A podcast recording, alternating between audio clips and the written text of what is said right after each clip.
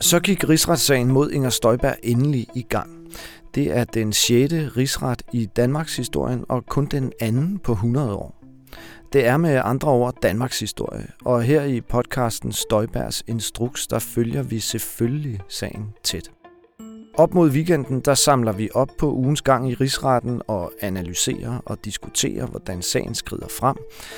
Du kan finde os i din foretrukne podcast-afspiller hver eneste lørdag. Og med os, der mener jeg som altid mig selv, Anton Geist og Ulrik Dalin. Ulrik, sig lige uh, hej til lytterne. Hej hej. Godt. Øhm, og så tænker jeg, at vi lige skal kridte banen op og kort forklare, hvad det nu er, hele det her sagskompleks, det drejer sig om. Ulrik, vil du ikke øh, stå for det?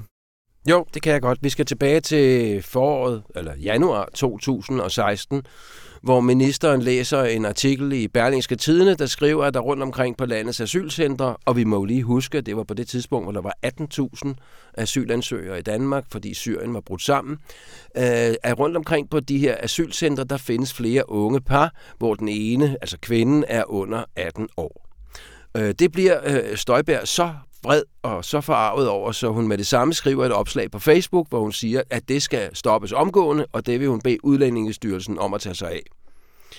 Og det i gang sætter så noget undersøgelsesarbejde, og det munder alt sammen ud i en pressemeddelelse, som ministeren øh, udsender om eftermiddagen onsdag den 10. februar. Og i den her pressemeddelelse, der siger hun, at øh, hun har givet besked til Udlændingestyrelsen om, at alle par, som er indkvarteret, og hvor den ene part altså er under 18 år, at de skal adskilles, og fremtidige par, som vil blive indkvarteret, de skal også adskilles. Og det begrunder hun med, at hun vil give pigerne et pusterum, fordi hun har den opfattelse, at de alle sammen kommer fra en kultur, hvor kvinder er undertrykt, og hvor meget gamle mænd altså tager sig meget unge koner. Mm. Men i de indberetninger, som der faktisk kom fra øh, operatørerne, som driver de her mange, eller drev de her mange asylcentre, der var der ikke så nogle eksempler på en meget gammel mand med en meget ung kone. Og der var slet ingen eksempler på, at, øh, at der var indikationer på tvang. Og så er det så, denne her undtagelsesfri adskillelse af alle asylparne, det der med, at ingen må blive sammen, sådan som der står i pressemeddelelsen, det slår ombudsmanden fast året efter, at det er ulovligt. Fordi der kan godt være nogle tilfælde, hvor man alligevel ikke kan adskille de her par, måske særligt hvis de har børn. Og det er det, som hele sagen drejer sig om. Ja. Og man kan også sige, at det var ikke noget, som ombudsmanden i al sin visdom fandt ud af. Det havde øh, øh, juristerne i Støjbergs udlændingeafdeling allerede sagt til hende. Og det havde øh, en ekspert fra Justitsministeriet, som man under hånden vendte sagen med, også bekræftet. Yes. Og alligevel havde Stolberg altså et ønske om at adskille alle parerne. Hun siger så i dag, at øh, jo, det havde hun et politisk ønske om, og det er jo også helt legitimt. Spørgsmålet er, om hun havde mere end et politisk ønske. Spørgsmålet er, om hun fastholdt det her ønske, selvom embedsmændene advarede hende om, at det ville være ulovligt. Og det kan man sige er nogenlunde det, Instrukskommissionen kom frem til. Det er den kommission, der blev nedsat til at kuglegrave det her forløb. De nåede frem til, at Inger Støjberg på trods af advarsler, havde ønsket sig en undtagelsesfri adskillelse, og hun havde fastholdt det her ønske, og det var mundet ud i en ulovlig praksis i Udlændingestyrelsen. Altså man havde adskilt ulovligt nogle par som en konsekvens af Støjbergs ønske. Da kommissionen kom med så markant en konklusion, som den gjorde, så var det vanskeligt for Folketinget at gøre meget andet end at nedsætte en rigsret. Og det var i hvert fald også det, de gjorde. Ja, ja. De bad et par advokater vurdere, om der var grundlag for en rigsretssag. Det vurderede advokaterne, der var. Ja, og så stemte et øh, rimelig bredt flertal i Folketinget for en øh, rigsret. Og så er det altså, at vi står med det her meget store og meget tunge maskineri, som så nu langsomt er ved at komme i gang. Skal vi ikke tale om, Ulrik, hvad der så er sket her i ugen i rigsretten. Jo, det kan vi godt. Altså, øh, men hvis man sidder og tænker, at det her bliver ja. lige så spændende som at åbne gaver, da man var dreng i juleaften, så må man desværre skuffe lytterne. Fordi det, som sagen her starter med, det er selvfølgelig som så mange andre øh, straffesager, den starter med det, man kalder forelæggelse. Og det vil sige, at anklageren læser og læser og læser og læser og læser Altså han starter for så vidt, eller hun, der er to, en han og en hund, øh, de starter for så vidt tilbage med, med artiklen der fra den 25. januar i Berlingeren, og så gnaver de sig ellers op i tiden gennem med mails for, for, og dokumenter og notater og notitser og statusopgørelser og så videre, så videre, så videre. Ja, de læser simpelthen dokumenter højt, ja. som de vil lægge til grund for deres anklage imod Inger Støjberg. Ja, og, og navnlig som de vil lægge til grund for de afhøringer, de skal lave. Det er jo klart, at hvis de siger, vi vil afhøre den og den person, så skal de forinden have sagt, at have sagt, at den her person har skrevet sådan, og så når de har gjort det, så kan de, når vedkommende sætter sig i stolen og skal afhøres, så kan de sige, du skriver sådan her. Og kan vi godt blive enige om, Ulrik, at det var... Øh alligevel lidt et antiklimaks. Jo. Vi har alle sammen gået og ventet så spændt på, at rigsretten endelig kommer i gang. Og vi vidste godt, at forelæggelser, øh, det er noget kedeligt noget. Men det er dog alligevel særligt kedeligt her. Ikke? Øh, det er det for det første, tror jeg, fordi det er en meget omfattende sag. Ja. Der er simpelthen rigtig, rigtig meget ja. at forelægge. Ja, man kan se på og de der det andet, de har. De fylder over 7.000 sider. Ikke? Det er helt vildt. Ja. Hold kæft, Kæmpe nogle mobbedrenge, de står med der. Ikke? Ja, tumler med. Ja, og så for det andet, så er hele sagen jo blevet endevendt. Først journalistisk, ja. Så er en undersøgelseskommission, og det vil jo sige, at vi kender godt de dokumenter. Ja. Vi kender det hele. Og jeg synes faktisk, det var lidt svært at finde ud af, hvad vi skulle skrive til fredagsavisen. Fordi første retsdag var jo torsdag, og alle var spændte på, nu kommer rigsretten, sikke et brag. Ja. Hvad må min avis skriver om det? Og vi måtte jo faktisk bare lave lidt sjov med, hvor kedeligt det hele var. Man kan også se, de af vores kolleger, der sidder på større medier, som har live-blogging, de har altså også deres vanskeligheder. Wow, de stakkels mennesker, ikke? Uh, nu læser hun op af en artikel, og nu læser ja. anklageren op af ja. en artikel i Politiken, skriver Politiken, Politiken begejstret i deres live-blogging, ikke? Ja, det er... Det er sjovt. Så det var faktisk øh, lidt kedeligt, ikke? Og der var, som du siger, et eller andet, øh, det havde nærmest karakter, de gnavede sig igennem det der, ikke? Det var ligesom den der tunge, store maskine, som rigsretten er, der ligesom æder sig igennem det der ministerielle byråkrati, ikke? Ja. Og det er godt nok tungt at være tilhør til. Og bemærkede du ikke også, Ulrik, at tilskuerne forsvandt jo? jo? Også i dag. Ja, også i dag. Ja. Altså, og nu er det fredag, vi sidder og optager, men altså allerede øh, torsdag, jeg vil sige, i den første formiddagspause, der forsvandt de fleste af, af, de, af de sådan, de, hvad kan vi kalde dem, frivillige tilskuere, ja. der ikke er på arbejde. Ja. De forsvandt, øh, og i frokostpausen blev der så tyndet yderligere ud øh, på rækkerne. Ikke? Ja. Der var med ikke mange ja. tilbage. Ja, det er sjovt nok, fordi fredag morgen tidligt, der stod jeg der for, at vi skulle få en god plads. Og der stod jeg efter to unge mennesker i køen, og de var bare kommet, fordi de syntes, det kunne være spændende, ikke? og de holdt kun til pausen, altså formiddagspausen, ikke? så var de begge to væk. Nå, anklagerne der, de er jo kommet en lille smule dårligt ja, fra start, det og det synes jeg lige, vi skal ja. runde også. Ja, det skal vi. Øh, det hænger sammen med, at øh, der ligesom er to ben. Altså, den ene ting, man kan sige, det er, at øh, Inger Støjberg øh, ifølge anklageskriftet anklages for at have iværksat og fastholdt en ulovlig adskillelse af de her unge par. Det er i strid med Danmarks internationale forpligtelser, og det er også i strid med forvaltningsretlige grundsætninger. Det er ligesom det ene ben. Det andet ben er så, at øh, da sagen begynder at rulle, og det gør den jo først i sommeren, foråret sommeren 2017, og så derfra. Altså mere end et år efter det egentlig har fundet sted, alt det her, øh, der der begynder der at være, hvad man kunne kalde en cover-up-fase. Altså fordi der bliver ministeren kaldt i seks samråd, tror jeg det er. Der kommer over 250 spørgsmål i Folketinget øh, ovenpå øh, og, øh, ombudsmandens oprindelige øh, øh, vurdering. Ombudsmanden bliver jo på grund af noget, vi finder ud af, nødt til at gå ind i sagen igen. Så altså, der er en lang, lang, lang række eksempler ifølge Instrukskommissionen på, at ministeren Inger Støjberg har givet misvisende, urigtige, ukorrekte, vildledende oplysninger til Folketinget både i redegørelser øh, til under samråd, men også i folketingssvar. Og så er spørgsmålet, det må man jo ikke. Og det er jo noget, Ulrik, som også Instrukskommissionen faktisk øh, vurderer, ikke? Jo. Altså at Folketinget har fået ja. misvisende de er bag lyset. Ja. Det er de. Og så det er sket altså... bevidst, det er ikke noget, der er sket eller, nej, det kan man måske ikke sige på den det måde. Det er måske gå lidt langt i ja, ja. referatet af dem, men ja. øh, hvis man læser mellem linjerne, kunne man ja. måske godt nå frem til den ja. analyse. Ikke? Men så var det så, at der i Folketinget var en diskussion. Altså, hvordan skulle man udforme denne her anklage? Skulle man både anklage Inger Støjberg for at det ene ben og det andet så, ben. Altså, være skyld i den ulovlige forvaltning, og anklage hende for vildledning af Folketinget, eller skulle man nøjes med en af delene? Og det, øh, jeg tror, det var enhedslisten stod ret alene med at mene, at Nej, begge SF og dele... Radikale var også med. Var de det? Ja. Okay. De mente i hvert fald, at begge dele skulle indgå i anklagen, ja. og det, men det mente flertallet ikke. Og det endte så med, at man alene anklagede hende for ja. Ja. den ulovlige forvaltning, og så lavede man den lidt besynderlige manøvre, som vi forstår det, i forståelse med, med de advokater, der er udpeget som Folketingets anklagere, Ja. At man sagde, det er en skærpende omstændighed, at Inger Støjberg også har vildledt Folketinget. Ja. Og øh, det var en bummert. Ja. Fordi dermed siger man jo, domstolen skal egentlig ikke tage stilling til denne her vildledning. De skal tage stilling til den ulovlige forvaltning.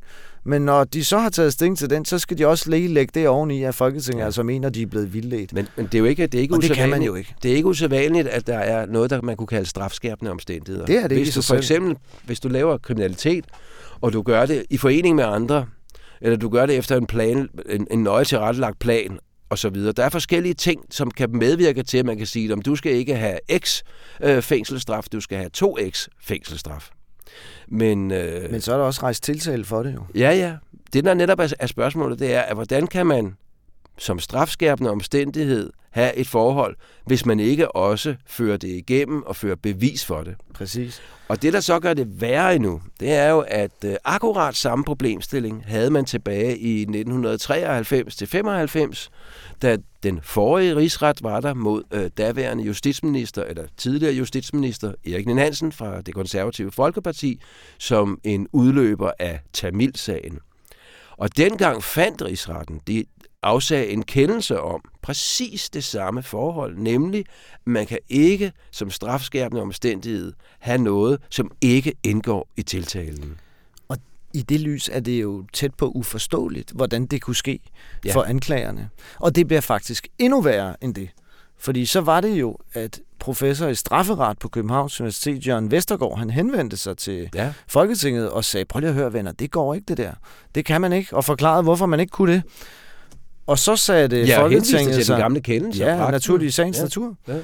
Så sagde det underudvalget i Folketinget, der håndterer det her, så sammen med øh, de advokater, man har udpeget som anklager, men blev altså overbevist om, at det kunne man godt fastholde. Ja. På trods af Jørgens Vestergaards advarsler. ja. Og det Og fastholdt den man så. rigsretskendelse. Ja, og det fastholdt man så. Og så var der et forudgående møde forud for, at hovedforhandlingen Ja, ja, i rigsretten forberedende, øh, nu skulle gå i gang. Øh, og der nåede højesteret øh, selvfølgelig frem til den kendelse. Rigsretten. Undskyld, hvad sagde jeg? Højesteret? Ja. ja. Det er fordi, der er alle de højeste Ja, ja, ja, ja. Det har jeg også glemt at fortælle om, Ulrik. Ja, det- må vi også lige ind på lige om lidt. Der er masser at tale om. Ja. De nåede frem til den kendelse, at det ikke kan indgå som en strafskærpende omstændighed. Ja. Og det er jo da lidt af en bejmand til Ja. Folketinget og til anklagemyndigheden, ja. og en rigtig, rigtig dårlig ja. øh, start. Ja, det svarer lidt til at svømme den ene fod fast i et 100 meter løb, ikke? Ja, præcis. Ikke? Ja. Og så løber, øh, imens løber Støjbergs forsvarhold derude Ja, ja. Ikke? Men man må så sige, at ved samme lejlighed måtte de jo også indkassere en bed forsvarende. Ikke? Det var spørgsmålet om, hvorvidt der skulle være adgang til tv-transmission fra afhøringerne. Mm. Ikke? Og det er der jo flere aviser, øh, inklusiv vores egen, som har slået til lyd for, Mm. øh, at det burde være sådan. Øh, men det mente øh, rigsretten altså ikke, det skulle være. De henviste til de almindelige bestemmelser i straffeloven om, at øh, det skal der ikke være. Så man kan sige, det hvis man sådan skulle gøre det op meget sådan firkantet, så bliver det 1-1. Altså ja, 1-0 det synes jeg, det er meget firkantet, for Ja, ja, den ja. ene forseelse er... Det ene er, er jo simpelthen en forseelse, og det Ja. andet, det andet jo ikke. Det Det er, de forsøgte sig med, om de Ja. ja. kunne, øh, om de kunne Ja, ja, lave lidt lave lidt, øh, lidt ballade, ikke? Ja, ja, og det ja. kunne, fik de så ikke lov til. Det er noget lidt andet, synes Ja, ja, ja. jeg. Så jeg tror snart, vi må sige 10-1. Ja. Ja. Øhm. Nå, Ulrik, apropos det der med dommerne, ikke? lad os lige komme omkring det, for det er jo meget skægt. Ja, Altså, det er jo et kæmpe maskineri. ja det er Der det. er 13 højesteretsdommere Ja, i rigsretten, ja. og øh, så er der tilsvarende antal dommere udpeget af Folketinget, Ja. altså politisk udpeget dommere. Ja. Det vil sige, at der er 26 dommere. Ja, Og det vil også sige, at man lægger beslag mere eller mindre på højeste, hele højesteret Ja. frem til jul. ja. Fordi den her sag, den øh, kommer til at vare frem til jul. Så der er godt nok et stort maskineri. Ikke? Og, i den, og derfor er det måske ikke så underligt, at det også er tungt, og det skal foregå efter alle kunstens regler selvfølgelig, og det er grundigt. Ja. Og derfor er det altså, at vi har siddet og kedet os lidt Ja. i rigsretten i denne her uge. Ja. Men der var alligevel sådan små glimt er noget interessant, synes du ikke, Ulrik? Ja, jeg måske vil jeg lige ja. lave en lille krølle ja, først, fordi det. samtidig med, altså, der er det her meget tunge apparat med 26 dommer, ikke? Ja. Altså, det er jo... det, ja, er forsamling, måtte, ikke? Og de har måttet lege sig ind i Ejksved Parkhus ja, ja, ja, ja. for at få plads til alle de under... dommer og forsvar og anklager og pressen. Fyr, og, og jeg ved ikke præcis. hvad. Ikke? Ja. Nej, men så er det jo sådan, at i alle retssager, når dommerne kommer ind, og når de forlader retssalen, så rejser man sig op. Og det gør man for at vise respekt for retten. Men det er jo altså en lidt større, det er et noget større cirkus, når 26 dommer skal bevæge sig baglæns ud af, eller ikke baglæns, men altså vende rundt og gå mm. ud af en lille dør i den ene side, og vi skal så stå der og vente. Så der synes jeg, at det tjener for så vidt øh, retsformanden, altså højesteretspræsident Thomas Rørdam, til ære, at han på et tidspunkt, da det har stået på et par gange, så siger han, det behøver vi ikke. Det er nok, hvis I rejser jer, når vi afsiger dommen, og så videre. Ikke? Ja, det var virkelig behageligt. Ja, det, det er det. Altså, ja. vi så, når, når vi kommer om morgenen og, tænder vores computer og sådan noget der, så skal vi ikke stå der og ja. rejse os som sådan en skoleklasse i gamle dage, når der kommer en voksen ind i, ja. i klasselokalet. Ja. Ikke? Men hvis vi så skal nærme os lidt det, det hele handler om, nemlig sagens substans her, ikke? Så var der alligevel et par små interessante glimt. Ikke? Jo. Jeg synes øh, måske noget af det mere interessante er, at de få gange Inger Støjbergs forsvarer har blandet sig. Ja. Øh, René Offersen er den ene af forsvarerne. Ja. En dygtig øh, procesadvokat. Han, øh, han henviser meget til et notat, som vi ikke har fået fortalt om endnu. Nej. Øh, det er nemlig sådan, at da Instrukskommissionen undersøgte denne her sag og afhørte Inger Støjberg, så begyndte hun pludselig at fortælle om et notat, som ingen havde hørt om på det tidspunkt, på trods af de mange samråd i sagen, som du lige var omkring, Ulrik, og på trods af de mange gange, hun er blevet interviewet af pressen i sagen. Hun havde aldrig nævnt, at der var det her notat, og i kommissionen, der forklarede hun, at notatet det var fuldstændig centralt for at forstå sagen. Ja, jeg synes også, at man måske lige i den opremsning der skal have med, at ombudsmanden over flere omgange ja, ja. har udbedt sig de retlige alt overvejelser præcis. og sådan noget. Og, og der vil det der notat jo være... Det ville det være, og det ville have været oplagt. Ikke bare at medsende det, som de gjorde, men altså at øh, henvise eksplicit til det og bruge det som en central del af forklaringen. Men altså det her notat, øh, det er skrevet i Udlændingsstyrelsen i første omgang, og så er der skrevet videre på det i Inger Støjbergs departement, altså i ministeriet. Og øh, der åbnede embedsmændene faktisk for ikke bare sådan en blok at adskille alle parerne. Øh, og det var sådan en type notat, hvor der var en indstilling til ministeren et par sider inden. Og øh, den indstilling tiltrådte Inger Støjberg faktisk. Altså hun tjekkede ligesom af og godkendte via sin ministersekretær ganske vist i et sagsbehandlingssystem i ministeriet, der hedder F2, men det er helt normalt at gøre det via sin ministersekretær. Det er der ikke noget dubiøst i. Og det vil altså sige, at Støjberg pludselig kunne fortælle i kommissionen, at hun havde faktisk godkendt en praksis, hvor man ikke adskilte alle parerne. Hvor der var mulighed for undtagelser. Så har en masse embedsmænd så forklaret, at det gav ikke nogen mening for dem, fordi hun fastholdt efterfølgende, at de alle sammen skulle adskilles, og som en kontorchef sagde, så anså man det her notat for dødt og borte. Øh, og det kom heller aldrig op igen, og det blev jo som sagt heller ikke nævnt i de efterfølgende år, men pludselig kom det altså op i kommissionen. Og nu kan vi se, og det er jo ikke spor underligt, men nu kan vi se, at forsvarerne for Inger Støjberg i rigsretten, de er meget fokuseret på det her notat. Og det vil jeg da virkelig også være, hvis jeg var Inger Støjbergs forsvar. For her er faktisk et dokument, altså noget skriftlig dokumentation, der peger i retning af, at Støjberg accepterede undtagelser til ja. adskillelsen. Men det har jo, altså, afhængig af, hvad man skal mene om det notat, så er der jo så mange eksempler på, at ministeren efterfølgende har givet udtryk for helt, helt andre øh, ønsker, end det, som notatet skulle være. Ikke? Helt klart. Og i forhold til, at Instrukskommissionen om notatet siger, at, det, altså, at ombudsmanden fik det, men det var alene vedlagt som en vedhæftning til en intern mail vedrørende en besvarelse af en henvendelse fra en journalist. Altså, det er ikke noget, som altså, der på den her baggrund rigtig tyder på, at departementet har lagt nogen som helst vægt på det Nej, her. det er svært at finde spor af ja. det, og man kan sige, at den grund valgte Instrukskommissionen også simpelthen at tilsidesætte det her notat og Inger Støjbergs forklaring om det. Altså fuldstændig øh, fejede det af bordet, kan ja. vi sige. Ikke? Men det er da interessant, at det er noget, man fornemmer i de få øh, pip, der har været fra forsvaren indtil videre, at det kommer de til at lægge rigtig meget vægt på. Hvad synes du ellers, der har været interessant, Ulrik? Ja, så synes jeg også, at der...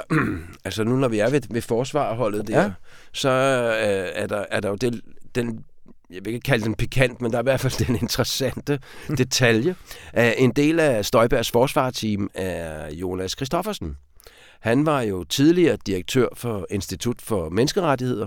Og er der ikke sådan en, bare lige for at være lidt præcise, er der ikke sådan en eller anden... Øh lavet en eller anden manøvre, så han er konsulent for forsvaren, ikke, tror jeg, jo. for at være lidt jo. præcis. Ja. Jo, han sidder jo heller ikke ved siden Nej, det gør han nemlig ikke, fordi der er to i... anklager og to forsvarer, ja. men ja. han er ja. konsulent for forsvaret. Ja, han er jo i, han er jo, han er jo øh, øh, Bix, advokat Bix, nemlig. sammen med René Offersen, ikke? Og han Offersen er, og Christoffersen, ja. det er et godt navn. Ja, og, og han er jo meget, meget køndig i menneskeretlige... Mm. Øh, Anlægner. Ja, præcis.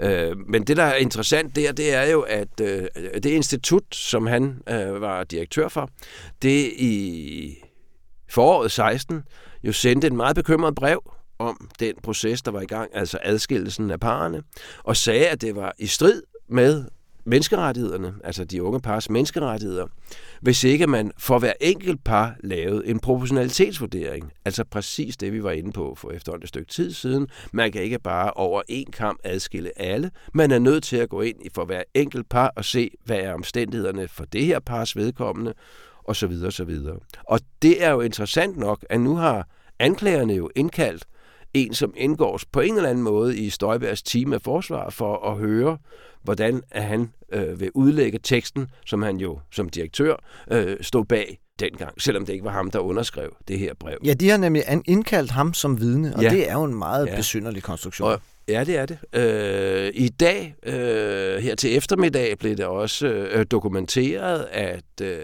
Øh, Jonas Christoffersen i en mail til en af instituttets medarbejdere, eller måske flere, øh, havde fortalt om, at han øh, regelmæssigt havde uformelle møder med Uffe Tordal Petersen, som på det tidspunkt var departementschef i Støjbergs ministerium. Og ifølge mailen og gengivelsen af den, så havde Uffe Tordal Petersen været med på, at der var altså en vis øh, diskrepans mellem, hvad ministeren ønskede, altså at adskille alle par, og så de internationale konventioner.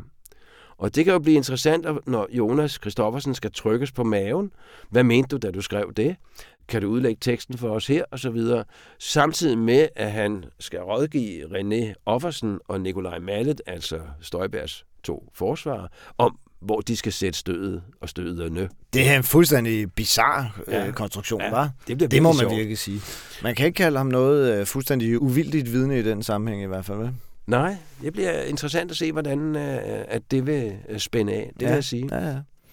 Ja, og i øvrigt, så må vi jo være ærlige, Ulrik, og sige, der kom ikke så forfærdeligt meget frem. Nej. Øh, altså, der har været en masse interessante dokumenter, der er blevet læst op, men det var dokumenter, vi godt kendte i forvejen, og som vi også har talt om her i podcasten, og som vi har skrevet om ja. i rigtig mange artikler ja. øh, i Information. Ja, det er rigtigt. Det bliver lidt mere interessant i næste uge, tror jeg.